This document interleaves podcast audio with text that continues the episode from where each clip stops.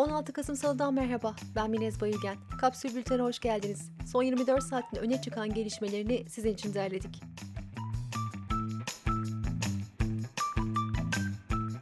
Dolar TL kuru bugün 10.40'a aşarak yeni bir rekor kırdı. Çeyrek altının fiyatı da yeni bir rekorla ilk kez 1000 lirayı aştı. Gram altınsa 613 liraya yükseldi.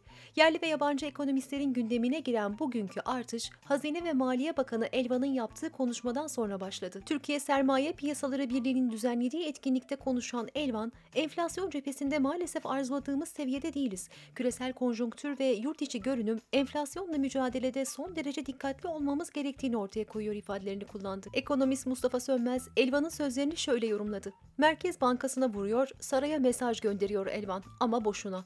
Perşembeye faiz indirimi geliyor ve enflasyonun 5 puan altına iniyor faiz. Dolar da o güne kadar 11 lira olursa şaşırmayız. Merkez Bankası'nın beklenti anketinde yıl sonu için dolar TL kuru 9.98 olarak öngörülmüştü. Anketin bir hafta sonra delindiğini söyleyen ekonomist Atilla Yeşila da yaşanan durumu şöyle özetledi.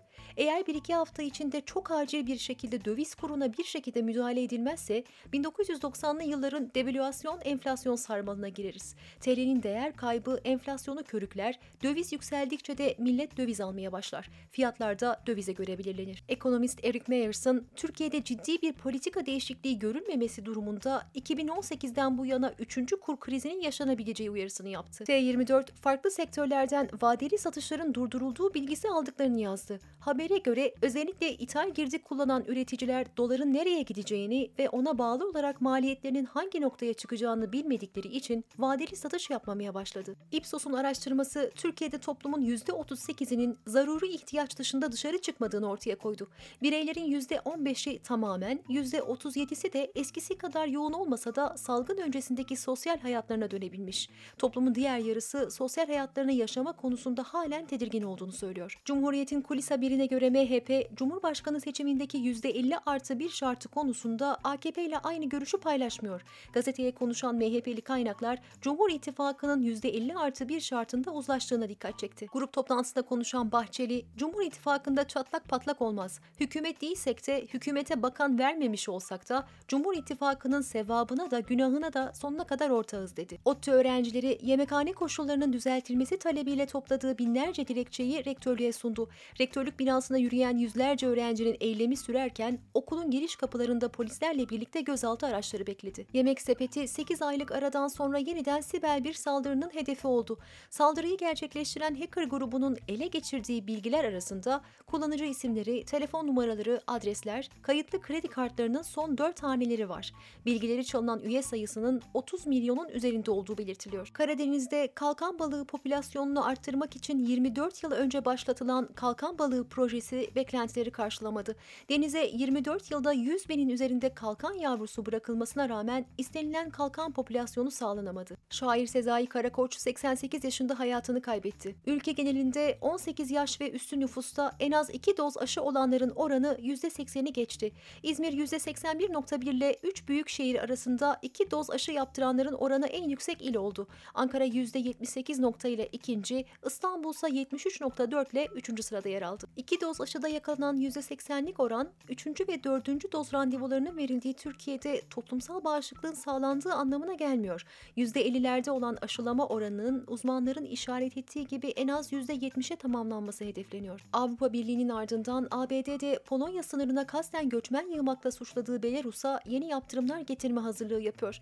ABD Dışişleri Bakanlığı söz konusu cezai tedbirlerin AB'nin yanı sıra diğer müttefikleriyle de koordinasyon içinde hazırlandığını duyurdu. Savunma Bakanı Akar, F-16 savaş uçağı tedariki ve mevcut aynı model uçakların modernizasyonu için hali hazırda bir heyetin görüşmelerde bulunmak üzere ABD'de olduğunu açıkladı. Libya'daki iç savaşta Doğu güçlerini komuta eden General Hafter, ülkede 24 Aralık'ta yapılacak seçimlerde Cumhurbaşkanı adayı olacak. Daha önce de devlet lider Muammer Kaddafi'nin oğlu Şeyfülislam da adaylığını koymuştu. Çin'in eski başbakan yardımcılarından Gaoli tarafından 3 yıl önce cinsel ilişkiye zorlandığını açıklayan tenisçi Peng Shuai'den haber alınamıyor.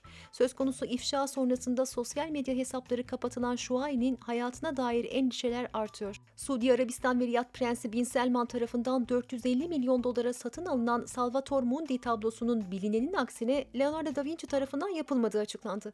İspanya Ulusal Sanat Müzesi'ne göre de Vinci tablonun tüm yapım sürecini denetlese de resmin sahibi değil.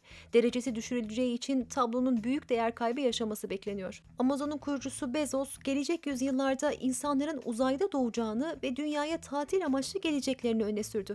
Bezos'a göre insanlar uzayda dev yüzer silindirlerde yaşayacak. Türkiye Şeker Fabrikaları tarafından şekere %25 zam yapıldı. Buna göre şekerin kilogramı KDV hariç 4 lira 91 kuruşa yükseldi. Tarımsal saf etil alkolün litresi de 9.44 liraya çıkarıldı. Tedarik zinciri krizi nedeniyle ürün bulmakta, döviz kurlarının yükselmesi nedeniyle de fiyatlandırmada sıkıntılar yaşayan perakende sektörünün temsilcileri 6 aylık tahminlerinde sıkıntının büyüyeceğine işaret etti. Temsilciler imkanı olan şimdi alsın dedi. TÜİK verilerine göre yılın 3. çeyreğinde işsizlik oranı %11.7 olarak tespit edildi. İşsiz sayısı da bir önceki çeyreğe oranla 57 bin kişi azalarak 3 milyon 842 bin olarak açıklandı.